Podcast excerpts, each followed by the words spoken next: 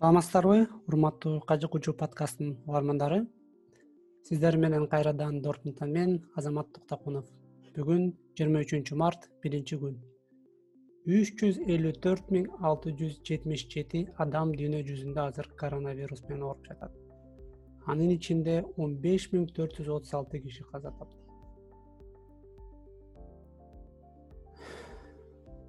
Италияда элүү тогуз миң жүз отуз сегиз испанияда отуз үч миң сексен тогуз германияда жыйырма жети миң эки жүз сексен тогуз кыргызстанда он алты киши.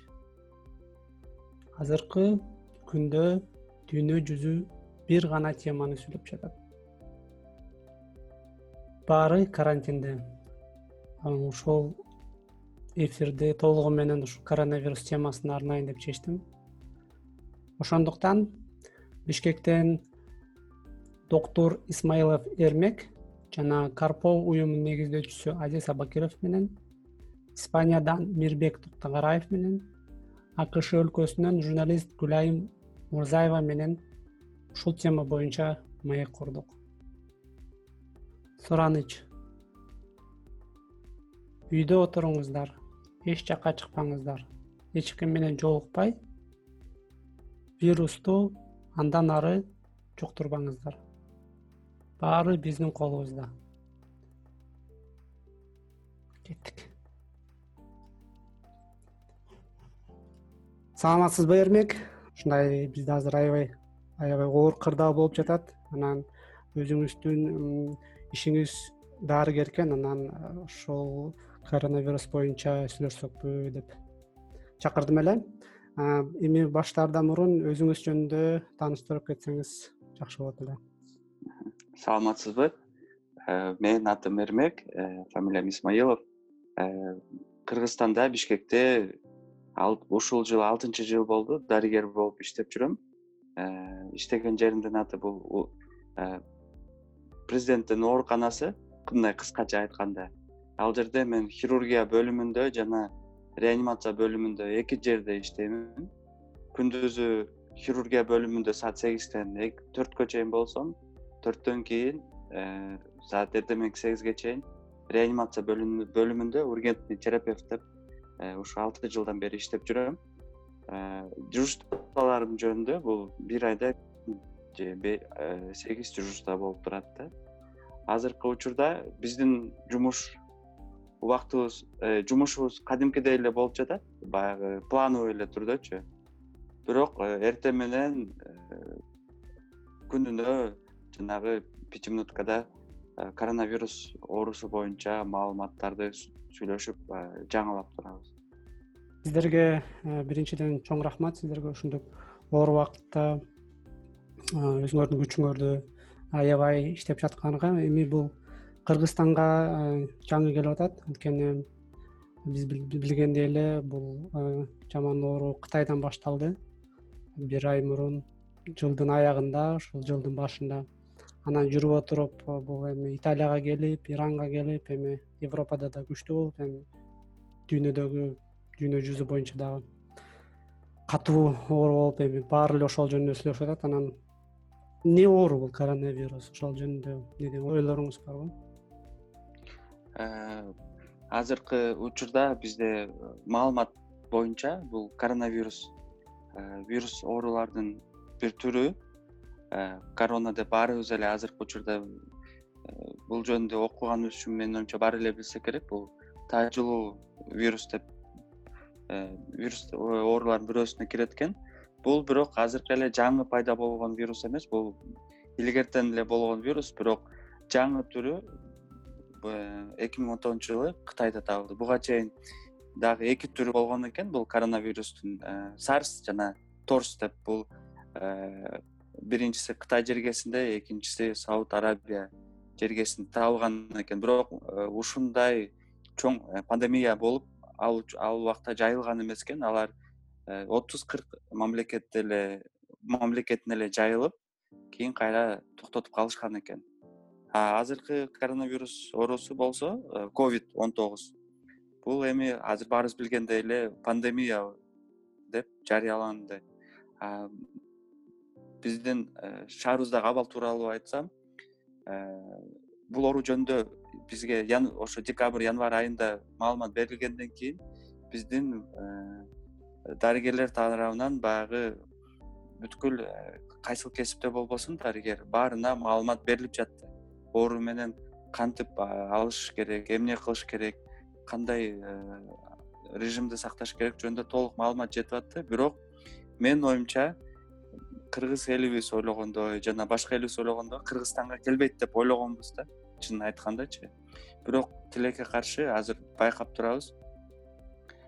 Бизде бүгүнкү күндө коронавирус оорусуна чалдыккандардын саны көбөйүп жатат. Азыр мен сиз менен сүйлөшүүнүн алдын баягы телеграмдагы ковид он тогуз штабында бишкек шаарында дагы эки жаранда табылды деп маалымат келди ооба эми биз дагы бул алыс жактан отуруп ойлоп атканбыз. Эми бул оору кыргызстанга жетпесе экен. Анткени э, экономикасы күчтүү. Кытай италия германия франция дегендер дагы ошол аябай оору көбөйүп аткан токтото албай атышат. Анан кыргызстанга жетип барса бизде аябай э, оор да медицинада анан таптакыр эми күч жетпей калат го деп коркуп эле барбаса экен деп атканбыз. Эми факт боюнча келди. Аны эми ошо менен жашаш керек. да. Ошо менен жашаш керек. Айла жок да. Андай ар кандай теорияларды жана конспирологический теориялар айтып атпайбы муну атайын чыгарып коюшту анан атайын оорутуп атат дегенчи анын баары эми эч кандай жардам бербейт да менин оюмчачы. Ага энергия короткондун ордуна э, сак болуш керек да. Анан бишкекте абал биз угуп аткандардан мектептер жабылды анан акырында магазиндер жабылып атат деп атат. Анан андан башка кандай иш чаралар көрүп атат көрүп атасызбы эмне болуп атат тегерек четте биздин азыр жумушубуз э, боюнча айтып кетсем биз ошол жана башында айткандай эле биз жумушка барып эле эртең менен кечке чейин жүрүп кайра үйгө келип эле сырттагы эмне болуп атканын толук э, мен өзүм байкай албай атам. Бирок маалымат баракчалары боюнча айтсам ошол э, бүткүл соода жана клуб болобу же компьютерный клубдар болобу баары жабылды деп айтышты. Э, бирок э, кечээ күнү маршруткалардын троллейбустардын баары каттам болуп аткан эл көп. Мындай мен баскан жерлердечи. А бирок бүгүн болсо эртеңден баштап э, маршруткалар троллейбустар коомдук транспорттун баары ишке чыкпайт деп билдирүү жасашты да ошондуктан менин оюмча Э, кеч болсо дагы бирок биздин мамлекет чараларды көргөнгө аракет кылып жатат. Э, мындан ары дагы менин оюмча э, баарыбыз биримдикте болуп бири бирибизге жардам берип аракет кылбасак бул оорунун жайылышы ыктымал. Бир убакытта мисалы миңдеген киши ооруса ошонун беш проценти больницага барыш керек. Анткени алардын Э, өпкөсүнө түшүп кетет. Анан өпкөсүнүн э, жанагындай искусственный э, экмо деп коюшат турбайбы ошо менен кислород берет депчи. Анан ошол силердин больницаңарга жүз киши келсе ошону кабыл ала аласыздарбы же кандай болуп анын баары бул абдан оор суроолордун бирөөсү болуп жатат. Себеби мындай жалпы кыргызстанды алганда калп айтпасам алты жүз жыйырма ошондой аппараттар дем алганга жардам берген аппараттар бар деп жатат. Биздин ооруканада болсо аппараттардын саны э, үчкө жетет да калп айтпасам. Бул биздин э, ооруканабыздын э, орун бейтаптардын койка деп коет. Эки жүз он беш койкага бизде ушул үч төрт аппарат бар да эгер жүз адам келип калса албетте биз кабыл алганга мүмкүнчүлүгүбүз жок болот. Мисалы жүз адам келсе ошонун үчөөсүн сактап каласыздар калган токсон жетиси өзүнүн иммунитети жардам берсе берди бербесе. Тилекке каршы эгер оор абалда келип ушундай баарына э, жүздө жүз адамга тең э, ушундай аппарат э, керек болуп калса анда ооба бул жанагы баарыбыз бул эми маалымат жашырбаган эле маалымат италиядагыдай абалга туш келип калышыбыз мүмкүн эгер өз ара э, тез арада чараларды көрбөсө. Италияда азыр ошондой болуп атат да э мисалы сиздерде бир больница бар болсо ошол жакта эки жүз элүү койкада үч жанагындай аппарат болсо ошол жака бир убакта жүз адам келет үчөөсүн сактап атышат да калган токсон жетиси ооба ооба. Ошон үчүн тилекке каршы ооба. ошон үчүн жанагындай өлгөндөрдүн саны аябай көп болот. азыр мисалы кечээ эле айтышты алты жүзгө чейин жетти бир күнүн ичинде депчи ооба ошондуктан ошол э, абалга жеткирбеш үчүн биздин азыр элибиз э, мамлекетибиз дарыгерлер баардыгы биригип э, баягы саламаттык сактоо министрлиги айтып жаткан дүйнөлүк саламаттык сактоо уюмунун кеңештерин айткан кеңештерине так аткарса биз бул оорудан кандай айтсам сактанып калышыбыз мүмкүн. Эгер ошол аракетти жасасак бул жанагы баары эле азыр фейсбук баракчасына кирсеңиз баарында эле бул маалыматтар болуп турат баягы үйдө олтуруш керек колду тез тез жууп туруш керек санитардык обработка жасап туруш керек.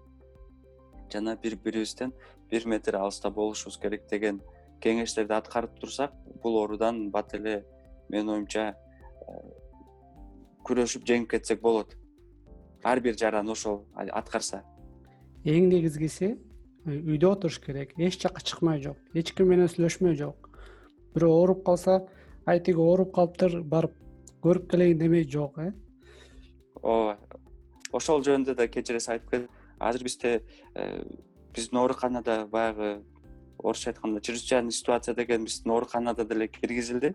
Ал жерде биз э, пландуу түрдө жаткан ооруларды биз жаткырбай атабыз. Азыр эгер мындай тез жардам керек болсо гана жаткырып жатабыз да анан ошол э, мурда жатып калган бейтаптардын алдына келген коноктор көп болуп атат да. Анан ар бирөөсүнө ушундай вирус пайда болуптур коркунучтуу келбей туруңуздар деп айтсак дагы беш мүнөткө кирип чыгайын деп эле ушинтип кирип чыгышып атат. Эми дүйшөмбү күнү кандай болот жагдай билбейм бирок буга чейин ошол биз дарыгерлер айтып жаткан баягы мамлекет мамлекетибиз кеңеш берип жаткан э, кеңештердин бирөөсү дагы аткарылган жок да баягы туугандардын арасынанчы баягы конок болуп келген адамдардын. Биз ошондон коркуп атабыз да анткени биз баягы эрежелерди көп сактабайбыз. Анан ошонун айынан андан да көп кишилер э, бири бирине жугузуп андан да көп кишилер э, өзүнүн мисалы өзүнүн туугандарын өлүмгө алып барат да. Эч жака эч кимге чыкпай үйдө отуруш керек. Ооба ошол маселе боюнча мисалы үчүн бул коронавирус оорусуна чейин деле мисалы үчүн мен өзүмдүн бейтаптарыма айтам да баягы операция болгон бейтаптын иммунитети түшүп кеткен. Сиз оорубайсыздар баягы сиз сырттан кандай болсо грипп оорусу сасык тумоо оорусу болобу башка оору болобу сиз алып келип ошол бейтап менен учурашканда жуктурганга салым кошосуз могу чыккандан кийин жакшы болгондон кийин кааласаңыздар миң жолу үйгө келиңиздер. Андан да ашык жолу келиңиздер бирок бейтап ооруканада жаткан учурда келбегиле деп айтсаң дагы э, укпай эле кайра келишет да. Ошол аң сезимибизди өстүрүшүбүз керек болуп атат ушул боюнчачы аябай ооруп абал болуп атат анан. Эми жаман болбосун бирок э, баары баары акырындап чындыкка чыгып атпайбы. Мисалы коронавирус менен ооругандар мисалы иммунитети аз көп оорулары бар карыган адамдар ооруп анан ошондон жана өпкөсүнө түшүп кетип анан жанагындай э, эсептеп келгенде мисалы үчөөнү сактадык калгандары сактай албай калдык алар эмне болот? Өлгөнгө баарын чакырып ушундай эмеспи биздики коронавирус менен ооруп мисалы бирөө ооба. каза болсо кандай эмне кылыш керек анда Э, бул жерде э, биздин э, менталитетке жараша бул абдан оор суроо да. Бирок мен бирок мен бул жоопту жанагы бүткүл дүйнөлүк саламаттык сактоо берип жаткан кеңеш менен айтып кетсем мындай учурда эгер ушул оору менен ооруп калса анда толук түрдө эч кимди жолотпой көмгөнгө туура туура керек болот. Себеби эгер аны баягы масканы кийип костюмду кийип э, көмүп койбосо анда ал жанагы контактта болгон э, врачтар дарыгерлер болобу же туугандар болобу сөзсүз түрдө алар да жуктуруп алат да. Ошондуктан бул жерде сөзсүз түрдө баягындай аябай мындай орусча айтканда жесткий меры надо предпринимать да бияктачы эми айла жок кудай сактасын андан эч ким оорубасын бирок азыр адамдар эми түшүнө баштады да. Эми биздин апаларыбыз аталарыбыз аларга биринчи ирет терс таасир этет да. Ошонун баарын жанагындай өсүп кетпеш үчүн аябай күчтүү мералар киргизип башталат да. Ошондо анан ызы чуу баары башталат эми кыргызстандачы. Ооба туура айтасыз. Менин оюмча э, маалыматтын э, ушундай аябай маанилүү экени баягы айыл жергелерине жакшы жетпей жатат да. Менимче бул э, бишкек шаарында жана ош шаарында эле мындай интернет булактар маалыматтар көп таркаган жерлерде элдер түшүнүп жатат бирок айыл жергелеринде жана телефондо байланышсаң бул эми оору жакында эле келип кетет деген мааниде эле кабыл алышып атат. Бирок мен э, азыр жана сиз менен сүйлөшүп кеткендей ар түрдүү штабтар түзүлүп атат. Ошолордун жардамы менен балким биз ушул вирустун таралуусун э, азайтканга толук күчүбүздү жумшайбыз деп ишенем мисалы азыркы жаздырып аткан подкасттын себептеринин бири дагы кыргызча эмес үчүн жаздырып атабыз бул жакта туруп деген ушул айылда отургандарга маалыматтар жеткирип айти жөнүндө айтып берели деп атканбыз. Анан бул эфирде толугу менен коронавирус жөнүндө айтып берип атабыз.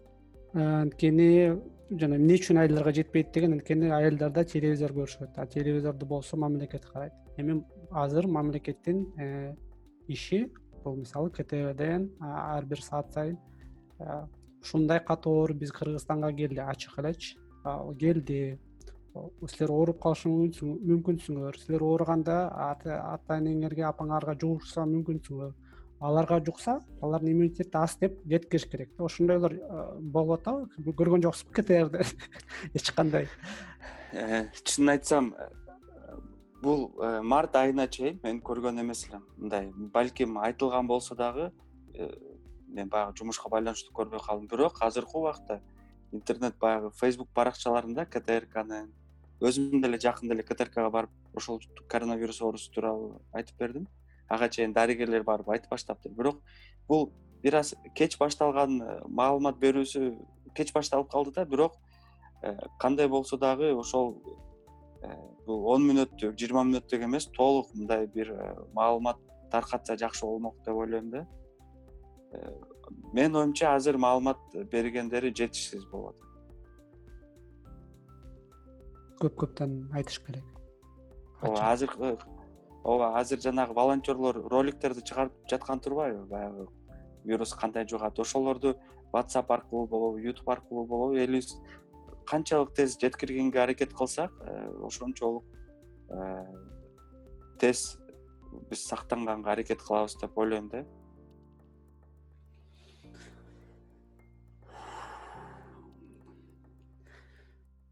сизге чоң рахмат.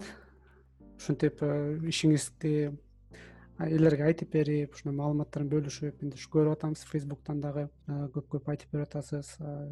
Коллегаларыңыздын дагы мындай дем берип менин оюмча дагы мындан дагы оору убакыттар келе атат. Мисалы биз жакта токтой элек анан жеңгендердин бири эле кытай болду окшойт азыр. Кытайлыктар. Молодец ооба. Баарын камап туруп жеңип коюшту эми дүйнө жүзүндө тарап атат эми паника башталып атат акырындан кыргызстанда мисалы ун көтөрүлдү анан продуктылардын баалары көтөрүлүп деп. Жанагы туура айтасыз анан жанагы жерге кошуп кетсем дедим эле э, дарыгерлер эгер мени угуп жаткан болсо бул жерде дарыгерлердин баардыгы э, мындай салымын кошконго аракет кылыш керек да себеби кээ бирки дарыгерлер э бул жөнөкөй эле сасык тумоо эчтеке болбойт деп кайдыгер мамиле жасагандар да болуп жатат да. Ошого андай баягы элдерди сөзсүз түрдө паника кылдырбаш керек. Бирок бул оору аябай мындай оор оорулардын бирөөсү экенин айтып баягы э, режимди сактагыла деп кеңештерин интернеттен болобу жөн мындай тааныштарына айтабы ар бир дарыгер айтса менин оюмча э, чоң салым болмок биз тараптанчы деги эле сиздерге чоң рахмат. Дарыгерлерге ушул эми элдер түшүнө баштады. Мамлекет эми деги эле дүйнө жүзү эми түшүнө баштады. Дарыгерлер деген бизге аябай керек. Анткени экономикалык кризис болгондо дарыгерлер менен мугалимдердин айлыгы аз бюджетниктер деп акча аз беришет анан элдер айла жоктон башка мамлекетке кетишет болбогондору базарга чыгышат анын баарын көрүп жатабыз. Анткени мисалы менин мамам өзү дарыгер сокулукта семейный врач болуп иштейт. Көп жылдардан бери азыр пенсияга чыгып бирок болбой эле иштеп атат. Мен ага бул жакта отуруп алып аябай чочулуп атам. Анткени эпидемия башталса дарыгерлер дал ошол эпидемияда ичинде болуп контакт беришет да элдер ооруганда эле барып дарыгерлерге барат. Ооба бул кеңештерди угуп атам бирок менин оюмча э, бул нерсенин алдын алыш керек. Э, эгер ошондой белгилер пайда болсо дароо эле азыр э, түз байланыш номерлерин жөнөтүп атпайбы. Ар бир область боюнча ар бир поликлиника боюнча ошол номерлерге телефон чалып эле менде ушундай белгилер пайда болду. Келип кетесизби же мен барайынбы деген ошондой өз ара байланышып бир чечимге келип аракет кылыш керек. Анан баары биздин колубузда мына эми даана баары биздин колубузда мамлекет деле дарыгерлерди анан башка бирөөлөрдү шылтап урушпай эле тынчып бири бирибизди карап үйдө отуруп эч жака чыкпай ошентип бир айдай чыдасак анан жеңебиз деп ойлойм. Ооба мен дагы ошого тилектешмин баары күч биримдикте. Чоң рахмат сизге. Эми сизге дагы күч аягына чейин туруп эми утабыз ошо менен. Ооба. Оорубаңыз жумушуңузга ийгилик. Рахмат сиз дагы ошол алыс жактан чалганыңызга. Э, рахмат анда. Жакшы туруңуздар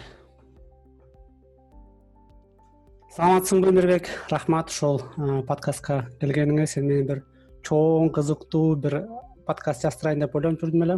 Чет өлкөдө жашаган кыргыз мекендештерибиз менен анан айтиге да жакын анан бишкекте дагы көп иштер кылып жүргөн мекендештерибиз менен бир подкаст жаздырып аткам мирбек экөөбүз жакын доспуз көптөгөн проекттерди чогуу жасаганбыз аябай кызыктуу каарман болуп айтып бермек бирок ага чейин мына коронавирустун бир жаман немеси келбеди анан ошого байланыштуу ушул онунчу выпускту толугу менен ушул темага айтып берейин дедим эле. Анткени биз чет өлкөдө жашайбыз. Мисалы германияда уже жыйырма миңге чейин жетип калды да ооругандардын саны. Испанияда жакын жыйырма бир миң мирбек болсо ошол испанияда жашайт. Анан ошол коронавирус жөнүндө сүйлөшсөкпү дегенбиз. Ага чейин мирбек өзүңдү тааныштырып кетсең макул азамат кандай? Мен да кубанычтамын. Сени менен көрүшүп сүйлөшүп турганыма сагынып да кетиптирмин сени. Биз э, үй бүлөбүз менен э, эки миң он тогузунчу жылдын сентябрь айында мадридке көчүп келгенбиз. Планыбыз боюнча бир жылга келгенбиз. Анткени мен дагы окуп э, келинчегим да окуп атат. Э, мен э, ушул айти тармагындагы data scienceга көптөн бери кызыгып жүргөм анан ошол бул жерден айти академия сыяктуу алты айлык курсту алып data science machine learning деген курста окуп атам. Ал эми келинчегим болсо шеф кондитерге окуп атат француз кухнясы боюнча. Ошо биздин окуубуз июндун аягына чейин болчу.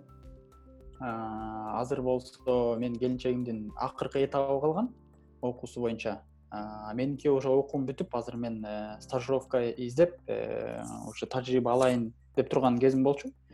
Эми азыр ушу тилекке каршы э, түшүнүксүз абал болуп атат. Вирус тарап эч нерсе иштебейт. Келинчегим мектебинен да айтышты пока окууну токтоттук деп. Ошо ушинтип карантинде отурабыз.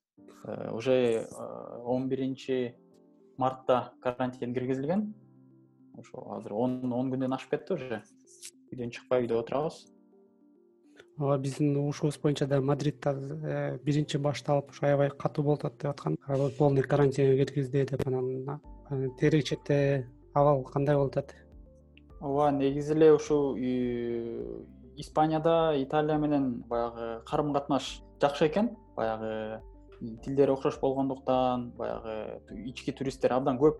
Анан ошондон бир себеби мисалы үчүн э, азыр испания европа боюнча экинчи орунда го дейм италиядан кийинки эле ооругандардын саны боюнча.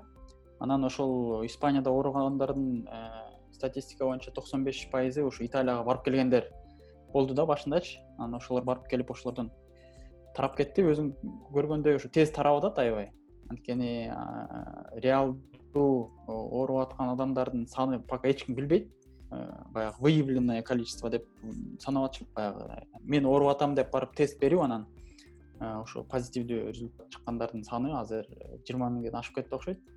Ошол кырдаал оор эле чын айтсам эшикте адамдар себепсиз эшикке чыгуу уруксат жок. Мисалы үчүн жөн эле эшикке чыгып сейилдеп келейин десең патрульный милиция бар. Алар даже көчө мурда күнү ушу жаңылыктардан окудум. Кээ бир адамдарды уже штраф салып баягы себепсиз көчөдө жүргөн адамдарга штраф салып бир гана продукты тамак аш алганга чыкса болот дарыканага чыкса болот үй жаныбарларды мисалы үчүн иттерди э, сейилдеп сейилдеткенге чыкса болот да ушу үч себеп менен андан тышкары ушул эч кандай уруксат жок только үйдө отуруш керек. Кадимкидей эле процесс кандай? Кадимкидей эле чыгып баратсаң э, патрульный милициялар келип сурапчы кытайдан э, көргөнүмдө мындай кылып коюшуптур лифтке киргенде зубочистканы сайып коюптур ошо зубочистканы алып туруп лифттин кнопкасын басат экенсиң. Анан түшүп баратканда аны мусоркага жатып коет экенсиң да. Анан чыгып баратканда сага билет берет экен протокол мененчи ошол билетти алып кетип базарга барат экенсиң анан кайра келатканда ошол үйдө жашайм деп барып билетиңди берет экен температураңды текшерип баягы кытайда катуу болуп аткан да хубайда ошол ооба. Испанияда кандай болуп атат ал? Кантип текшерип атышат? Азыр испанияда биз только жаңылыктардан окудук что ушундай патрульный милиция бар ошолор чыгып карап атышат деп бирок мен эки үч жумада бир тамак аш алганга продукт алганга магазинге чыгып келем пока андай патрульный милиция көрө элекмин анан лифттерде деле андай кандай эчтеке нерсе жок. Мисалы үчүн маска кийип барып э, продуктыга барып келебиз. Ал келип масканы чечип колубузду самындап жууп ал эми эмеде болсо магазиндерде сыртта бирден бирден киргизип атышат. Киргенде э, колуңду санитайзер менен же антисептик менен Э, жууп анан одноразовый перчатки аласың. Ошол одноразовый перчатки менен э, э, тамак аш продукты овощлорго тийсең болот жер жемиштерге ошолорду алып анан кассага келгенде адамдардын аралыгы минимум бир жарым метр болуш керек. Уже эмелерди толгон наклейкалар чыптап койгон. Ошол ошол жерге гана турсаң болот. Эгерде киши толуп баратса ал кассага жакындабаш керек да. Анан кишинин саны көп болсо магазиндин ичинде уже ичине киргизбейт сыртта күтүп турушуң керек. Өзүң очередь менен киресиң да кассада иштеген адамдардын менен э, сатып алып аткан адамдын ортосунда контакт болбосун деп мындай айнек коюп койгон. Э, бийик айнек коюп коюшту. Ошол э, алар дагы бүт одноразовый перчатки кийишип санитайзерлер менен чыгып аракетти көрүп атышат аябай эле токтотконго. Мындай кытайдагыдай пока эме боло элек. Баягы регистрация кылып температураңды ченеп андай эмелер боло элек пока тамак аш жетиштүү эле болуп атабы? Ооба ал жагынан эч кандай эме жок. Э, баягы дефицит болот деп коркушуп анан баягы биринчи күнү э, ошо ооругандардын саны көбөйүп анан ушундай карантин киргизиши мүмкүн. Э, деп мисалы үчүн кээ бир жумуштагыларга рекомендация түрүндө частный компанияларга уже маалымат жөнөтө баштаганда мисалы үчүн эгерде мүмкүнчүлүгүңөр болсо жумушчуларды үйгө жөнөткүлө ушундай рекомендация кылабыз деп баштаганда бир аз баягы магазиндерде адамдардын саны көп болуп анан бир эки саатка мисалы үчүн керектүү продуктылар полкада жок болуп калып атты э, бирок бир эки сааттын ичинде эле кайра складтан толукташып магазиндерде эч кандай эме сезилген жок. Мисалы үчүн бул продукт жок тиги продукты жок деп э, биз эметкен жокпуз да. Паника жокпу эч кандай. андайга чалдыккан жокпуз. Паника жок э, негизи эле баягы испанияда адамдар өзү мындай позитивдүү келишет. Эч кандай баягы менин оюмча бул погодадан зависить этет да бул жер аябай күн испанияда мисалы үчүн үч жүз алтымыш беш күн болсо үч жүз күн э, күн тийип турат да триста солнечных дней деп коет. Анан адамдар дагы ушул э, эмени жакшы көрүшөт аябайчы. Э, сен сен айткандай сыртка чыгып сейилдешип алар кийин эле болуп атат азыр мисалы үчүн үйдө отуруш бирок бизди мисалы үчүн аябай таң калтырган нерсе күндө саат кечинде саат сегизде адамдар балкондоруна чыгып анан э, ошол ушул кыйын күндөрү э, биз мисалы үчүн үйдө отурсак э, кээ бир профессиядагы кишилер иштегенге мажбур болуп атышат да мисалы үчүн полицияда иштегендер пожарныйлар өзгөчө больницада иштегендер же аптекада супермаркетте иштеген адамдар өзүнүн өмүрүн ушундай бир рискке алып келишип иштеп атышат да ошолорго чыгып рахмат айтып атышат да колдоп кол чабышып ышкырышып күндө саат кечки саат сегизде адамдар мисалы үчүн биз да чыгабыз балконго же терезеден чыксаң кадимкидей киши көп. Кадимкидей кол чабышып ышкырышып он беш жети мүнөттөй ушинтип кол чабып турушат да. Э, өзүң деле интернеттен көрсөң керек. Мисалы үчүн барселонада кээ бир адамдар балконго чыгып концерт коюшуп ушундай өзүнүн өзүн мындай колдоп атышат аябайчы жакшы мындай паникага алдырышпай.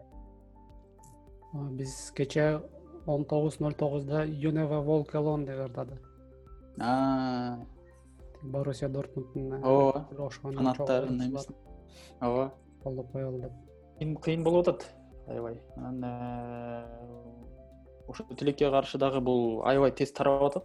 Ошондуктан мындан башка э, айла жок только үйдө отуруш керек. Үйдө отуруп карантин буга түшүнүү менен э, карап э, анан баягы орусча айтканда ответственный болуш керек да. Эгерде эч жака чыкпай ооруну таратпай дальше анткени аябай тез эле тарап кетет. Баягы эмелер статистикады статистика тармагында иштеген адамдар геометриялык прогрессия менен тарап атат деп бул тез тез эле да мисалы.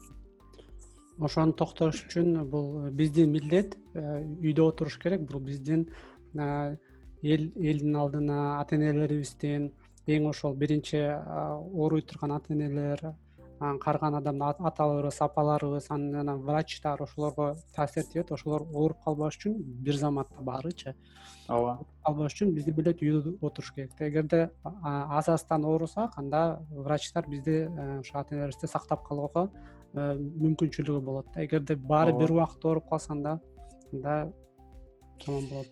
Ооба элементарно адамдар э, ошол ооруган адамдарды карай турган доктурлар жетишпей калат. Ошону түшүнүш. Мисалы үчүн сен мен жана бизге окшогон жаштар биз эң алдыңкы чыккан маалыматтарга мисалы үчүн мүмкүнчүлүгүбүз бар да доступ бар. Дайыма эмне болуп атат ошол жөнүндө окуп билип мониторинг кылып турабыз. Мисалы үчүн эмне кылыш керек кандай кылыш керек анан мисалы үчүн мен менин жана ушу бизге окшогон жаштардын дагы бир милдети ошол биздин кыргызстандагы биринчи учурда ата энелерибизге бир туугандарыбызга баардыгында эле whatsapp группалары бар ошолорго маалымат жөнөтүп атабыз. Аларга мисалы үчүн бизге окшогон доступ жок болушу мүмкүн. Бул ооруну ушунча катаалдыгы же уровень серьезности ошону мындай сезбей атышы мүмкүн да. Ошон үчүн биз аларга маалымат таратып жеткизип үйдө отуругула деп максималдуу түрдө биздин э, дагы бир милдетибиз ошол болуш керек деп ойлоп атам да анан. Биз да ошол дагы бир э, менин досторум менен жаштар менен биригип ушул whatsapp группаларга ушу маалыматтарды жөнөтүп атабыз. В первую очередь биз өзүбүздүн бир туугандарыбызга ай чогулбагыла отуруп тургула. Мисалы үчүн э, үч жума төрт жумада эч нерсе өзгөрүп кетпейт. Мисалы үчүн мен бул тойго же ашка бизде кыргыздарда көп да. Же мисалы бирөө конокко барам же конокко келем дегендер бар. Ошолорду эми э, ошондой нерселерди токтотуп тургула. Көп болсо үч төрт жумада эчтеке өзгөрбөйт. Зато балким баягы адамдардын э, өмүрүн сактап калганга жардам берет деп түшүндүрүү иштерин жүргүзүп атабыз да жүргүзүп тургула?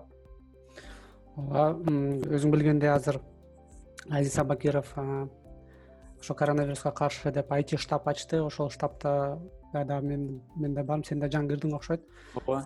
Ошол жактан дагы ар кандай э, иштери көрүлүп атат кам көрүүлүктөр көрүп атышат. Мисалы билим кантип болот анан ошол тамак аш кантип болот анан негизи эле эң азыркы учурда э, эң жардам бере турган бул маалымат. Маалымат бат баттан таратып жеткириш керек. Анткени э, кээ бир элдер түшүнбөй баягы конспирологический теориялар жасап булар баягы кытайлар ойлоп тапты анан америка ойлоп тапты анан баарыбызды өлтүргөн деп анан акчабыз жетпейт анан мамлекет күнөөлүү анан деп деген ошолордун ошолорго энергиям баары кетип атат да менин оюмча алардын баары кереги жок алардын баары шашпай убактыңар болгондо чечишип алгыла да ким ким күнөөлүү. Ооба азыр деген вирус келди. Бул вирус чындап эле аябай оору дүйнө жүзүндө экинчи дүйнөлүк согуштан кийинки болгон эң чоң катастрофа азыр болуп атат да.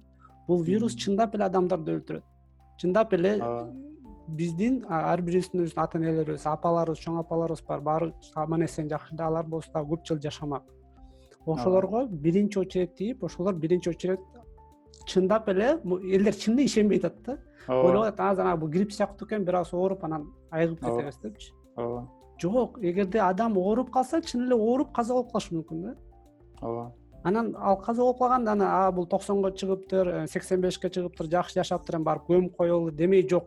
Эч ким көм- көмдүрбөй да коет. Ооба. Мисалы-. Биздин жашообуз ушундай биздин менталитетибиз кудайга ишенип жакшы нерселерибиз деле бар. Бирок ошону азыр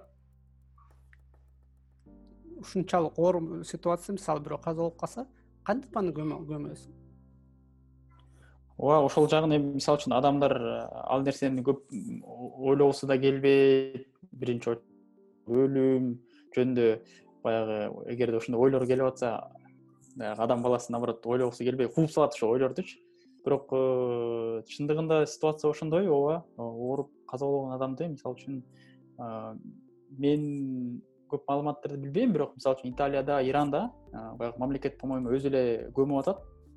Э, эч кандай туугандарды чакыртпай анткени италияда мисалы үчүн э, кремация кылып атышкан бирок кремациянын алдында э, баягы э, священнослужитель деп коет эле кандай кыргызча кандай болот экен эми молдолор кыргызча айтканда молдолор баягы куран окуп калган сыяктуу э, куран э, бирок баягы христиан дининде анан ошентип көмүп атышкан да. Андан кийин ошол э, ошол молдолорго дагы э, оору жугуп ошол себептен эми андай да кылдырбай атыптыр да.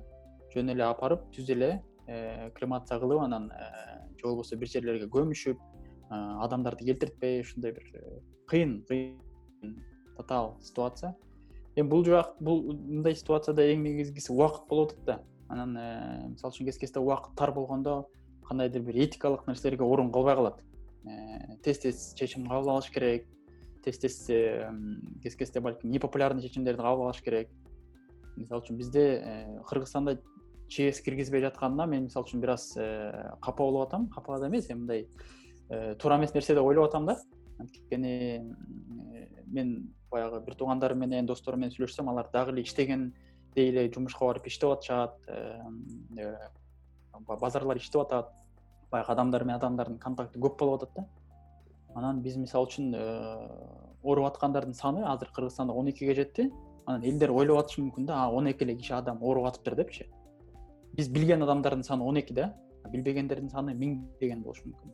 Миңге жетиши мүмкүн. Ошон үчүн э, тез арада менин оюмча чээс киргизип э, карантин кылып адамдарды үйгө отургузуш керек.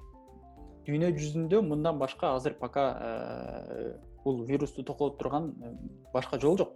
Бүт өлкөлөр ошол нерсеге баратат. Анан биздин э, өлкө эмне себептен эмнени күтүп атат мен түшүнгөн жокмун.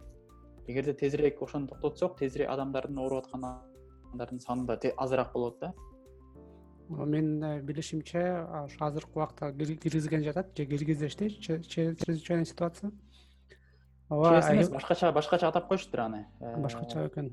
мындай чрезвычайный ситуация эмес ошонун бир жеңил формасы экен. Өзгөчө кырдаал эмес өзгөчө бир нерсе да. Э, все равно элдер иштеген адамдар иштеп атат баягы компания экономический процесстер жүрө берет деп э, эртең менен уктум да. Демек банктар иштеп атат өкмөттүк э, мамлекеттик структуралар иштеп атат. Э, балким коомдук транспортто токтотушу мүмкүн токтотду деп уктум мен. Анан кандайдыр бир рекомендация катары эгер компаниялар торговый центрлер жабылсын деп рекомендация катары жөнөтүшүптүр эми бул жакшы биринчи кадам бирок дагы мындан ары дагы контролго алыш керек менин оюмча ситуацияны ооба да аябай мындай ка- катуу контролду киргизип мисалы ошол эле телевидениялардан кайра кайра айтып эмне кылыш керек колуңарды жуугула самын менен жуугула самын менен жууганда ошо вирус өлөт экен да. Ооба. Анан ар кандай фейковый новосттерди укпай официалдуу жаңылыктарды угуп анан врачтар айтып аткан нерселерди угуп үйдө отуруп анан азыркы штабтардын телефондору бар экен ошолорго эгерде силер ооруп калсаңар анда ошолорго чалышыңар керек экен. Чалып кандай симптомдор болуп атат анан о, үйдө жатып ооруп жата бербей а бул грипп экен кетип калат экен анан э, деп же больницага жатканда элдер тууган тиги тууганыбыз больницага жатып калыптыр барып тиги тамак ашын алып барып берели деп кайра кайра бири Ба- бири бирин бизде ушу кыргыздарда больницага барганды жакшы көрүшөт бирөө ооруп калса баары барып ошону барып. Эми бул деле жакшы ниет менен барышат да мисалы үчүн барып э, көрүп коеюн деп бирок азыркы учурда бул э, аябай туура эмес да азыркы учурда сенин эң чоң салымың бул үйдө отуруш керек. Рахмат мирбек ушу келип испанияда болуп аткан кырдаалдар абалдар менен бөлүшкөнүңө үй бүлөңө ден соолук каалайм оорубагыла макул. туугандарыңарга ден соолук ушинтип ушундай оор убакыттан аман эсен чыгып кетели. Рахмат чакырганыңа чоң рахмат азамат. Дагы чакырып тур келип турайлы дагы шашпай анан баары кеткенден кийин да бир чоң подкаст жаздырабыз буюрса макул. Давай мейли э макул. Саламатсызбы аниз байке рахмат ушул саламатчылык. Биринчиден рахмат азамат. Мен көрүп атам азыр кыргызстан германиянын айти клубу э, жакшы иштеп келе жатат. Силер бириктирип анан кийин жакшы өзгөрүүлөр жакшы контент жасап атасыңар. Биз баарыбыз көрүп атабыз көрүп отурабыз да. Анан азыр ооба абал э, өзгөрдү э, кыргызстанга оор абал келди болуш керек. Ошо биз дагы эле түшүнбөй жатабыз да дагы эле түшүнбөй жатабыз. Кандай оор абал келди? Эми тиякта германияда ошону уже жакшы билип калдыңар окшойт э. А биз дагы эле дагы эле билбей жүрөбүз. Эми ооба эки күн мурдабы ушундай айти штаб түзүлгөн биз чакырымдыкты жасадык. Бүткүл биздин айтишниктерге программисттерге айтиадистерге жасадык. Бүткүл дүйнөдөн биздин айтишниктер чогула баштады. Э, биринчи күндө эки сааттын ичинде эле жүз айтишник кирди биздин программисттер анан экинчи күндө эки жүз азыр азырынча үч жүз биздин кыздар жигиттер бүткүл дүйнөдөн чогулуп мына телеграм чат каналында эки ботту жасадык. Азыр дагы бир ресурс жүз ноль үч деген э, медициналык э, кызмат бар эмес беле ошонун картасын э, өзгөрдүк. Эми эки күндүн ичинде дечи анан могу республикалык штабы бар өкмөт тарабынан. Маалымат технологиянын жардамысы көп керек кандай жардам керек болсо ошону биз жасаганга даяр болуп азыр иштерди жүргүзүп атабыз да. Оор абал болуп атат эми ошол күз көрүп атабыз. Азыр германияда жыйырма миң киши ооруп атат. Дагы так жүргөн немистерди мына алып атат э. Дагы ошол биз дагы эле түшүнбөй жатабыз. Ошол маалыматты биз биздин туугандарыбызга биздин э, э, мекендештерибизге эми жеткизишибиз керек да жеткизип бул маалыматты. Ошол чоң максаттардын бири ошол айти штабтын э, бир максаттарынын бири сиз айтып кеткендей элдерге маалымат жеткизиш керек. Элдер чындап э, айтишниктер ооба интернеттен билип атат көрүп атат анан көптөгөндөй мисалдар менен жанагы программалар менен карап атышат статистиканы көрүп канча киши ооруп атат анан маалыматтын баары ачык бизде мисалы айтсам мамлекеттик ишенет анан кыргызстанда жанагындай көптөгөн конспирологический теориялар пайда болуп анан акча тапкантат анан бизнес кылып атышат деп ойлотушат андай эмес да. Эми ал э, мен ошол э, көрүп атам ооба фейк маалыматтар көп э, пайда болуп атат да азырынча. Ал кайдан келет ал же эми биз э, эми отуз жылдан бери мына эгемендүүлүк күнүнөн баштап отуз жыл өттү. Э, эми пропагандага чоң ээ болуп атабыз да. Пропаганданы көп э, көрүп жүрөбүз да. Ошо өз критикалык ой ойлор ошого өзүбүзгө эми так маалыматка ишенбей баягы пропагандага же фейкке ишенип ишенип атабыз. Бирок азыр азырынча э, өкмөт тарабынан так маалымат э, жүргүзүлүп атат. Анан биз ошол маалыматты таратканга азыр мүмкүнчүлүктү э, түзүп жакшы мындай уюлдук тиркемелерди анан чат ботторду азыр даярданып атабыз эми буюрса так маалымат кетет ооба азыр подкаст бүткөндө ылдый жакка шилтеме илип коебуз. Ошол айти штабтын жасаган уже бир чаты бар. Анан жүз үч gov kg деген карта чыкты бишкек боюнча. Анан күн сайын көптөгөн элдер айтишниктер иштеп ошо аракет кылып атышат. Ушул маалыматты бат баттан таратып элдерге жиберип турганга дизайнерлер жанагындай сүрөттөр жасап видеолор жасап ыргытып атат. Ошонун баарын акырындан мына жардам силер аркылуу ошо чын жүрөктөн мен абдан ыраазычылыкты билдиргим келет да азыр жаңы контент чыга баштады. Азыр кыргызча контент керек да. Кыргызча биздин аялдарга э, мындай ыңгайлуураак мындай жалпак тил менен түшүндүрүү анан ушундай эмелер керек болуп атат. Азыр көрүп атам чыгып баштады. Азыр бүткүл дүйнөдөн биздин балдар кыздар кирип атат бизге жардам берип атат. Ошо биз баарыбызга ыраазычылыкты билдиргим келет да баарыбызга. Баарыңарга ыраазычылыкты билдиргим келет. Анан э, азыр э, ошо хак корона фо kg деген хештег боюнча биз иштеп иштерди көргөзүп анан тиги соц сеттерге таратып таратып атабыз. Силер ошолорду шер кылып анан ошон жок дегенде ошо жардам э, берүүгө э, ыраазы болобуз.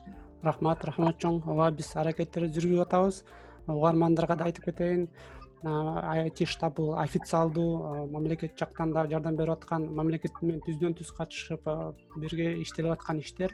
Мүмкүнчүлүгүңөр болсо ошол таратып аткан официалдуу маалыматтарды бөлүшкүлө элдерге жеткиргиле ситуация кадимкидей аябай оор болуп атат. Фейк ньюстарга көп алданбай ушак тошокторго алданбай өзүңөр сак болгула мына ошол программаларды жасап атабыз азыр сиздерге да азыр кандай жардам керек? Э?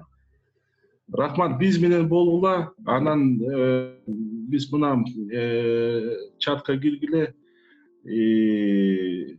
ошол ошол эле бир сурооч үйдөн чыкпагыла сак болгула германияда болсо дагы дүйнөдө болсо дагы силер бизге өтө керексиңер. Эми силер биздин өтө бриллианттарсыңар да. Эми силер болбосо анан биз азыр могу кыргызстанда жашап бүткүл дүйнө менен иште деген урааныбыз менен келет иштеп келе жатабыз мына. Азыр дүйнөдө биздин программисттер э, жаңы жаңы деңгээлге чыга баштады биз өтө сыймыктанып жүрөбүз ар дайым бар болгула сак болгула анан э, э, байланышта болгула туура мен да кошулам азыр мына айти штаб иштеп баштады. Мына эки үч күн мындай шамалдай өттү да эки үч күн. Үйдө отурса болот эле да. Ошо эч жака чыкпай эле. Мына карантин болуп үйдөн баарыбыз иштеп атабыз. Бирок чаттан баарлашып эметип тиркемелерди жасап анан баарын жасап үйдө отурса болот иштесе да болот. Эми биз айтишниктербиз да эми бизге биз э, коомчулугубузга э, мындай көмөк көрсөтүп өзүнүн поведениясын көрсөтүп эми биз э, үлгү болушубуз керек да үлгү болушубуз керек. Чоң рахмат азиз байке эми убактыңызды албайын сизге күч дем бул күндөрдө дүйнө менен иште деген урааныбыз а силер мына дүйнөдөн жашап атасыңар кыргызстан үчүн иштеп атасыңар мына.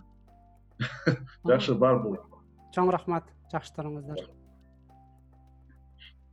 саламатсызбы гүлайым? Рахмат ушул подкастка келгениңизге угармандарга гүлайым мырзаева бул чикагодо жашаган журналист. Анын youtube каналы бар. Ошол жактан кызыктуу көп видеолор жаздырып турат. Анан гүлайым дагы ушул темада болуп элдер менен жаздырганынан анан мен дагы чалып сурап көрөйүн дедим.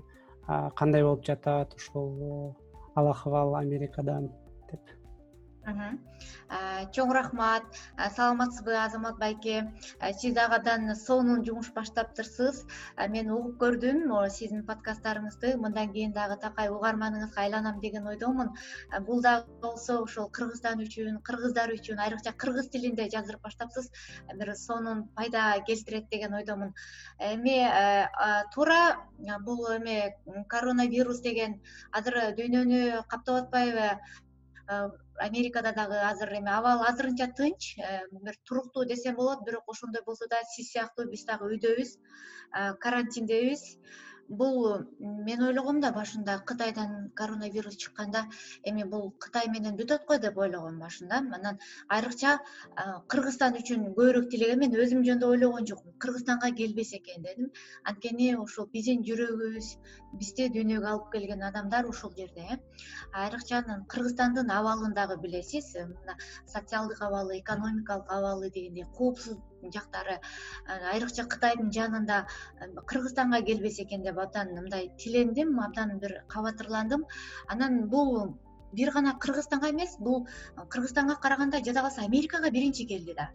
Бул абдан бир көрсө мен ушунчалык дүйнө жүзүндөгү адамдар бат бат алмашып бат бат каттап турат экен. Э, дүйнө жүзү алакынга салгандай кичине экен да. Мына азыр интернеттен биз экөөбүз америка менен германия байланышып атпайбызбы а мен бүгүн сизден мурда кытай менен байланыштым. Андан мурдагы күндөрү биз италия менен байланыштык малайзия менен байланыштык бельгия менен байланыштык. Абдан көп эме өлкөлөр менен байланышып атабыз да мына алаканга салгандай кичине экен дүйнө деп атсам бул каттаганда деле ошондой экен. Адамдар ушунчалык тез жер которуп турат экен тез саякатташат экен. Ошентип бат эле жер жүзүнө жайылып кетти да. Америкага дагы жада калса океандын берки тарабына дагы жетип келди. Биздин азыр э, мына он үчүнчү марттан тарта мына чикагодогу абалды айтып берейин. Мен иллинойс американын иллинойс штаты чикаго деп аталган бир чоң шаарында жашайм. Ушул жерде бүгүнкү күнгө алып караганда беш жүз сексен беш э, адам коронавирус менен жалпы. Бул анан жаңысы жүз алтымыш үч экен. Беш э, адам көз жумуптур ушу бүгүн түнү менен эле. Жалпы америка боюнча дегенде бул жыйырма төрт миңге жакындап калыптыр да ошол коронавирус менен жакындаган адам. Анан эки жүз кырк э, адам көз жумуптур. Жалпы америка боюнча. Э, америкада негизи абдан катуу күрөшүп атат десем болот. Аябай адамдарды чакырып атат э, өтө алдын алып атат. Ушул аэропорттон келгенде чет жактан келген жактарды коронавирустун тароо жактарын баарын кыркып атат бирок ага карабай бул абдан тез тарайт экен күндөн күнгө көбөйүп баратат да.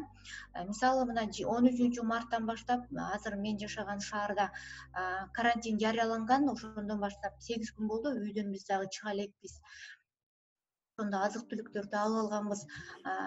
Школдор мектептер окуу жайлар дароо эле жабылган. Анан бир жери жакшы экен мына чет жакта. Мисалы германияда деле ошондой болсо керек. Америкада онлайн деген нерсе абдан өнүккөн да ушул баардык кызматкерлер дароо эле үйдөн иштеп баштаганга өтүп алышты. Үйдөн онлайн иштеп кадимкидей айлык маянасын алып кадимкидей ошол компаниянын жумушу үзгүлтүккө учурабай адамдарды тейлеп же болбосо продажа кылып ушундай бир кызматка өтүштү да үйдөн эле иштеп башташты. Анан э, бирок онлайн эмес мисалы таксиде иштегендер бар бул жакта дагы башка кызматтарда иштегендер бар. Мисалы тамак жеткирип доставка кылгандар бар. Алар дагы өтө этияттык менен иштеп атышат. Мисалы таксидеги кечээ менин бир таанышым менен сүйлөшкөндө айтты айрым учурларда биз кенсел болуп калабыз дейт кенсел дегенде ошол отказ кылып коюп атыптыр. Буларды баягы дароо ал жакта аты жөнү жазылат сүрөтү чыгат да кимге заказ кылганда убер такси болсо. Ошол жакта сүрөтүн көрүп же болбосо азиат азия жүзүндөгү болгону үчүн дароо кенсел кылып коюп атат. Деп ошондой деди. Бирок ошондой болсо да биз эми азыр мындай риск кылып ошо жумушту жасап атабыз дейт себеби алардын такси кылганда алар көп адам менен дагы контакт түзгөнгө мүмкүнчүлүк болот. Э, ошол жагы көбүрөөк коркунучтуу да кафе барлар жабылды. Дагы мисалы кафе ресторандарга только баягы онлайн үчүн кирип тамакты алып чыгып кеткенге гана уруксат бар.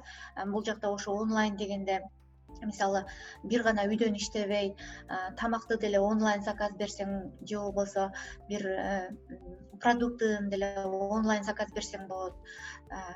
Кандай нерсе керек болсо онлайн заказ берип койсоң болот экен да ушул жагы аябай өнүккөн үчүн.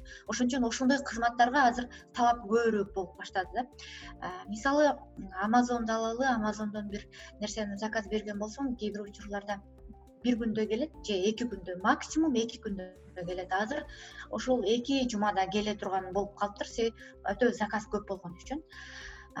Же болбосо баягы продукт азык түлүк э, заказ кылган болсоң эки саатта келет да. Ошол нерселер уже э, бир күн эки күн убакытты алып ошондой учурларда келе турган болуп калды. Ал эми э, неме боюнча коопсуздук боюнча баардык маска менен көчөдө. Көчөгө чыккан адам жок. Анан көчөгө чыкканда дагы ушул үч метр аралыкты сөзсүз түрдө сакташ керек. Ошол үч метр анан башында эки жүз элүүдөн ашык адам жолукпагыла деп атты анан кийин жүз адам жолукпагыла деп атты азыр айтып атат он адам жада калса жолукпагыла эгерде бир маанилүү жумушуңар болбосо он адам жолукпагыла деди. Бүгүндөн тарта бир э, эме өзгөчө кырдаал киргизилди. Саат бештен тарта кечки саат бештен тартып э, көчөгө э, чыкпагыла деп атат да. Э, ушул көчөгө эгерде өтө зарыл нерсе болсо эмнеге чыкса болот? Аны дагы жазып берди. Жазып ошо массалык маалымат каражаттары тууралуу жарыялап абдан маалыматтарды ушинтип таратып атат. Мисалы бензин куйганга чыксаң болот аптекага дарыканага чыксаң болот ооруканага чыксаң болот анан зарыл жумушуң болсо ошол маркетке магазинге барсаң болот. Ушуларды гана белгилеген да башка жумушуң болсо мындай жөн эле сейилдегенге андай учурда бештен кийин уруксат жок. А бешке чейин мындай таза абада бир аз ошол сейилдегенге болот. Ошол жанагы үч метр деген аралыкты сакташың керек маскаң болушу керек. Анан кандай десем ушундай бир кичине шарттары бар. Анан мен э, ушул он үчүнчү марттан кийин мен дагы өтө коопсуздукту кармап баягы үйдө балдар бар. Анан ушуларга дагы жоопкерчиликтүүсүң да өзүңдүн гана өмүрүң эмес башка бирөөнүн дагы өмүрүнө жоопкерчиликтүүсүң ошон үчүн мен дагы сыртка такыр чыккан жокмун. Анан кечээ ушул кайра э, мындай өзгөчө кырдаал киргизилет дегенден кайра барып мен азык түлүктү дагы камдап келейин деп маркетке бардым. Көчөгө кечээ биринчи жолу чыктым. Көптөн бери баягы шаңдуу болгон чикагонун көчөлөрү баягы маркет маркеттин асты адам көп экен машина дагы көп экен бирок көчөдө суюлгандай. Бирок бир э, ушунчалык бир э, үмүт үмүттү көрдүм да баардык адам үмүт менен бири бирин карашып ушул нерсе батыраак өтүп кетсе деп коркуу менен карашып анан адамдар адамдан этияттанып адамдар адамдан качып калган э, учурду байкадым. Мен маска тагынып барганмын көп адамдар маскасы жок барыптыр. Мен маска тагынсам менин маскамдан коркуп кадимгидей колдорун мынтип ушинтип менден мынтип турганын көрүп анан э, эме болдум. Абдан бир башкача абалда болдум мен. Э, мындай түшкө кирбей турган учур келиптир да түшкө кирбей турган вирус дүйнөнү каптаптыр да. Эгерде бул боло турган болсо эгер бир жараткандын буйругу болсо бул кара дүйнөнү каптаганына таң калып ушундай дагы болду да ушул дагы келди да биз кийин ушуну өзүбүздүн неберелерибизге мүмкүн айтып берсек уламыш катары мүмкүн жомок катары сезилер деп ойлоп койдум азык түлүктөргө келсек азык түлүктөр баягы негизи дүйнө жүзү боюнча эле баягы туалетная бумага туалет кагазы абдан неме болуп атат да бир чети тамашага дагы айланып кетти. Анан ошол дагы деле жок туалет кагазы жок күрүч макарон ак май un дагы деле жок. Жемиштер бир аз бар. Ошо жумуртка калбаган экен. Мен келгенде ошо кызматкерлер маркетке жаңы жумурткаларды тизип атышыптыр ошол полкалар пустой тургандары да бар ошо бош тургандары да бар анан жаңыдан тизип аткандары да бар. Негизинен обстановка ушундай. Баары эле кайдадыр бир жака шашкандай бат бат жумушун бүтүрүп мен дагы ушуну аман эсен үйгө кетип калайын деп келе бердим. Маркетке кирип баратканда деген ошо атайын салфеткаларды коюп коюптур алып колумду арчып анан жанагы колясканы сүртүп э, анан коляска менен кирип кетиш үчүн ушундай бир коопсуздук жактары бар экен. Чоң рахмат сизге. Профессионалдуу журналист экениңиз көрүнүп турат. Кандай маалымат берет элеңиз кыргызстандыктарга? Биз ушул карантин башталгандан баштап эле бул кыргызстанга келе электе эле ушунун алдын алып маалыматтарды эми журналист катары эми мен өзүмдүн эмемди кандай десем жарандык позициямды билдирип ушул кыргызстан үчүн күрөшүп баштадым да алдын ала маалымат депчи анан бүгүнкү күндө биз күн сайын айрыкча мына инстаграм баракчада мисалы биз ата энелерге кам көрө турган жаштарбыз го ошол жаштарга инстаграм баракча аркылуу түз эфир уюштурабыз. Уюштуруп атабыз анан буга чейин ошо малайзия менен италия бельгия менен кытай менен байланыштык анан америкада ошол жанагы сан францискода дагы ошол бир очаг бар. Ошол жакта да коронавирус аябай неме болуп ошол жак менен дагы байланышып ошол жактагы болгон нерселерди биз мисалы эгерде журналисттер эфир үчүн байланышканда мага деле байланышат мен э, беш мүнөт сүйлөп берсем ошонун отуз секунддасын колдонушат да калганын ыргытып салышат да бул эми эфирдин убактысын туура колдонуш үчүн. Анан мен менде мүмкүнчүлүк болуп аткандан кийин мен ошол адамдар менен байланышып кандай болуп атат чын эле? Мисалы италиядан айтышат да элүү жаштан алтымыш жаштан жогорку адамдар каралбай эле калып атат. Врачтар тандап атат. Сен жашайсың сен жашабайсың деппи себеби дарыгерлер жетишпейт орундук жетишпейт депчи.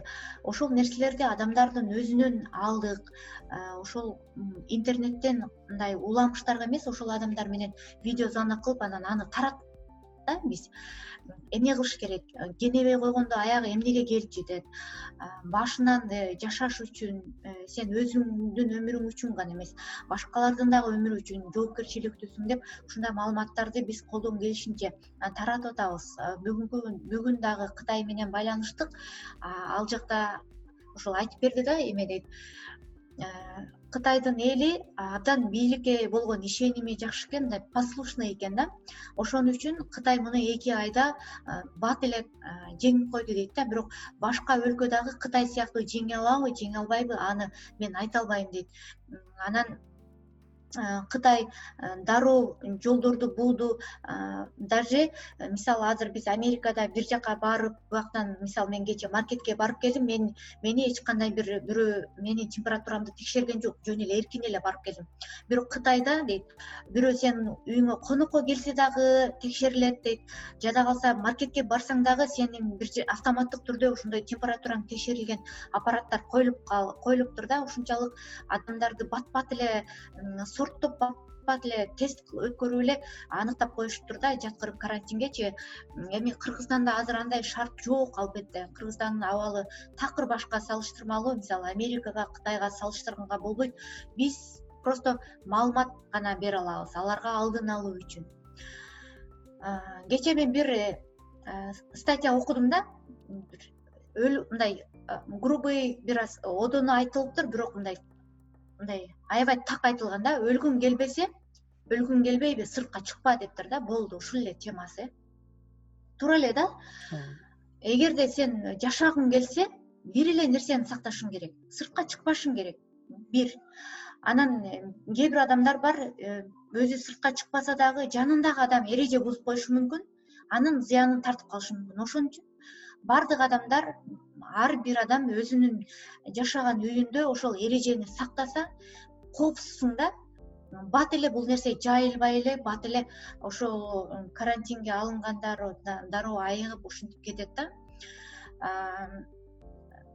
Кандай десем бизде кыргызстанда айрыкча мен корком карым катнаш аябай көп.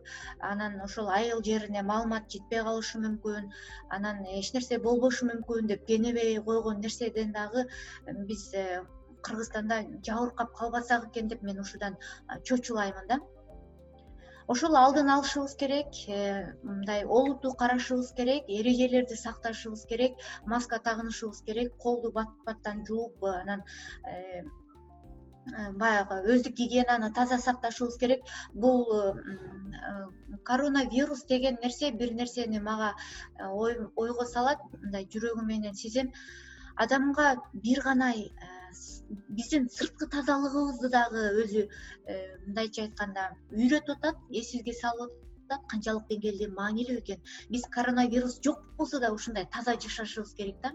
Айрыкча мисалы кыргызстанда салыштырмалуу үйдө таза жашашат.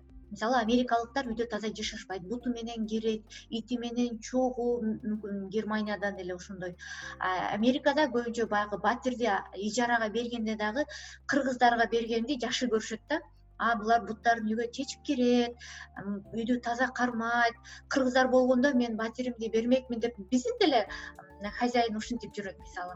Анын сыңары кыргыздар үйдө таза бирок сыртта таза эмес да. Биз сыртта такыр мындай башкача жашайбыз да.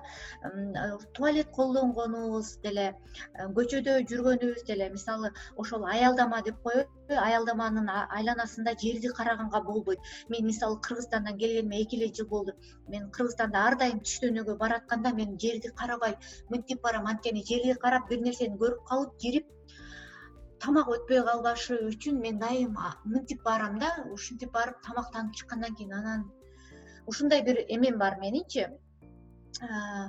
Ушун э, ошол тазалыктарды сакташыбыз керек. Ошону биз бул коронавирус жок болсо дагы ар дайым таза болгонго бул нерсе үйрөтүп атат да а сырткы тазалык бул эми ички тазалыкка келе турган болсок ички тазалык дагы бул азыр ар бир адам кудайды эстеп атат. Кудай ушул менин ата энеме тийбесе экен деп. Мисалы сиз деле биринчи өзүңүздүн ата энеңизден баштадыңыз кудай менин ата энем аман болсо экен менин туугандарым аман болсо экен жада калса чалып дайындадыңыз үйдө болгула эрежелерди сактагыла эч ким менен карым катнашты токтотуп тургула конок чакырбагыла конокко барбагыла. Мен ушинтип дайындадым. Апа эч кимдин көңүлүн карабайсыз эч ким эл эмне дейт дебейсиз эл эмне десе ошо десин сиз бизге керексиз. Баардык контакттар болду бүгүндөн кийин деп ушинтем да. Эгер мен ошол апамдын жанында болсом мен ошентип өзүм коргомокмун да өзүм чыкпай өзүм коргомокмун мен бул жактамын мен күндө чип ылыктайм баардык контакттарды токтотобуз. Ушундай категорически токтотобуз деп айтам да. Ошонун сыңары ар бир кыргызстандагы ар бир адам ошондой болуш керек. Анан мына биз тилеп атабыз деп атабыз го ошол баардык кыргызстан үчүн тилендим кыргыздар жакшы түшүнүп бат маалыматтарды туура кабыл алып анан ошого бир олуттуу карап жардам берип мамлекет эмне кылып атат деп эле отурбай өздөрү дагы жардам берип гигиенаны сактап анан ар бир адамдын өзүнүн колунда ооруусу келсе дагы өзүнүн колунда ооругусу келбесе дагы өзүнүн колунда болуп атат да. Ушул нерсе. Чоң рахмат чоң рахмат сизге. Баарын төкпөй чачпай айтып бердиңиз. Э, эми ошонун баары буюрса биздин э, элге жетип түшүнүп билер. Биз дагы бияктан э, көп ойлонуп атабыз кантип жардам берсек деп анан колдон келишибизинче болуп аткан маалыматтарды жеткирип турсак анан ооба баары баары биздин колубузда. Ар бир адам айтып кеткендей үйдө отуруп эч жака чыкпаса вирус өзү менен өзү өлүп калат да. Болбой эле жок мен кантип жашайм тиги жумушум бүтпөй калды дей берсек анда кырылып калабыз бат эле. Экономикасы күчтүү ошол америка европада күчтүү мамлекеттер жеңе албай жатат аябагандай чын эле оор азап болуп атат да. Бир убакыттын ичинде бишкектин мисалы жүз миң киши ооруса анда катастрофа болот бул кыргызстан үчүнчү. Анан ошондо элдер ойлонуп баштайт эл ойлонуп баштайт туят ошондо үйдө эле отуруп турбай депчи. Мына бүгүндөн баштап эч жака чыкмай жок үйдө отурмай. Эмнеси болбосун бир бир ай чыдап үйдө отурсоңуздар анан убакыт берсеңиздер дарыгерлер ооругандарды айыктырат анан анан жашообуз акырындан оңоло баштайт. Азыр чыдай туруш керек бир аз чыдап үйдө отуруп туруш керек америкада мындай болуп атат да бул жакта деген кичине эле иштебей калсаң жашайсың саатына иштейсиң го ар бир бирөө менен жолугушуп олтурсаң дагы саатыңды эсептейсиң мен э, мисалы э, бул э, саатыңа акча тапканым үчүнчү мен кварплата төлөшүм керек аны төлөшүм керек муну төлөшүм керек деп мындай төлөмөй жашоо да анан ушундай учурда эл чын эле баягы убактысы үйдө болгон үчүн кээ бир адамдар кара жумуш кылгандар көпчүлүгү каражаттан кыйналып калды. Анан азыр мисалы америкада мындай бир жеңилдиктерди берип атат ушул налогту он бешинчи июлга чейин узартып анан дагы азыр ушундай бир маалымат чыгып атат бирок буга токтом кол коюла элек дейт бирок ар бир үйгө ошол бир миң эки жүз доллардан миң доллардан киши башына балдарга беш жүз доллардан кылып ошо чек жазып жардам катары ошол эки жолу берилет деп ушундай бир жеңилдиктерди берип атышат да эми бул азыр тактала элек мүмкүн америка муну берип туруп мүмкүн кийин кайра аны башка жактан алат э, билбейм аны. Бирок мен кыргызстанда каалайт элем эгерде бир мүмкүнчүлүк болсо жок дегенде налогторду азыр мисалы ушул коронавирустун айынан мына доллар дагы секирип атат ушул учурда көп адамдар абдан жумуштары мындай күйүп кетиши мүмкүн ушундай кырдаалды өтө катуу көзөмөлгө алса деп каалайт элем. Анан өтө мындай олуттуу мамиле болсо да ушул э, коронавируста э, чет жактан келгендер дагы деле текшерилбей кирип кетип аткандары ошонун айынан болуп атат да. Мен ушуга абдан кабатырланам анткени кыргызстанда мүмкүнчүлүк бар болчу. Ошону э, баардык каттамдарды токтотуп коронавирусту кыркканга мүмкүнчүлүк бар болчу да бир аз мындай кайдыгерлик болуп калды ушул жериненчи анан элдин жашоосун менен бир аз э, эл эмне болсо ошол болсун деп эмес э, и так кыргызстанда эл өзүнүн жашоосун өзү эптеп жашайт го. Бул учурда билбейм элге жардам бергенге кичине бир мисалы кечээ мага бир кесиптешим кайрылды. Биз уже карантин болду биз жумуштан чыгып атабыз деди да анан айттым үйдөн иштегенге мүмкүнчүлүк барбы дедим. Жок деди онлайн иштегенге мүмкүнчүлүк жок деди. Бул бир анан эми сен ким төлөйт сага десем эч ким төлөбөйт деди. Эми эмне кыласың сен мен үйдө жатам бирок акчам жок деди да. Үйдө жатам бирок үйдө жатып иштегенге дагы жумуш жок экен кыргызстанда. Эми билбейм мен дейт да мен кино көргөндөн башка телефон чукулагандан китеп окугандан башка эч нерсе кыла албайт экенмин үйдө деди да. Демек биз кыргызстан өнүгүшүбүз керек экен. Биз онлайн системаларды курушубуз керек экен. Ошол нерсе мына көрсөтүп атат азыр э. Ошол онлайн заказ кылган жагдайларды онлайн иштегенге шарттарды түзүшүбүз керек экен деп ойлонуп калдым да демек ушундай болгондо депчи. Ошол. Мен да сизге кошулам ачык саясат керек. Анан ошондой оор убакытта адам өзүнүн адамдык сапаттарын сактап бири бирибизге жардам берип жаштар карыгандарга жардам берип анан э, ооба биздин азыр экономикасы анчалык күчтүү эмес жана андай онлайн системалар өнүгө элек. Эми ошонун баарын көрсөтүп атат. Эл көрүп ошону анан оңолор. Ооба туура айтасыз. Чоң туура айтасыз. Сизге дагы чоң рахмат. Э, ушинтип убактыңызды бөлүп кайдыгер карабай маалымат таратам деп журналист болбосоңуз дагы э, журналисттердей болуп э, кызмат кылып э, мына сонун жумуш баштаптырсыз азаматсыз.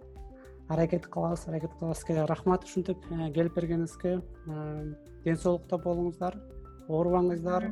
Анан ушу ишиңизди улантып уланта бериңиз. Биз сиздин видеоңуздарды көрүп кубанып туралы анан бул бул убакыт да кетет. Кийин айтып берчү дагы кез келет ага чейин эптеп чыдап э, жашай туралы анан балким дагы жолугуп каларбыз дагы анан бири бирибизге интервью берип э, бир чоң доогор жасайбыз жакшы үмүттөр менен ылдый чөгүп кетпей э, алды жакты карап бири бирибизге жардам берип жакшы үмүттөр менен жашап турсак бул бул оор күндөр да өтөт. Ооба. Ооба туура айтасыз чоң рахмат. Эми биздин подкаст аягына чыкты ушул жерге чейин уксаңыздар анда сиз даана азамат экенсиз. Анда менин жасап аткан ишим тикке кетпей бирөөгө болсо дагы пайда көрсөтүптүр. Сак саламатта калыңыздар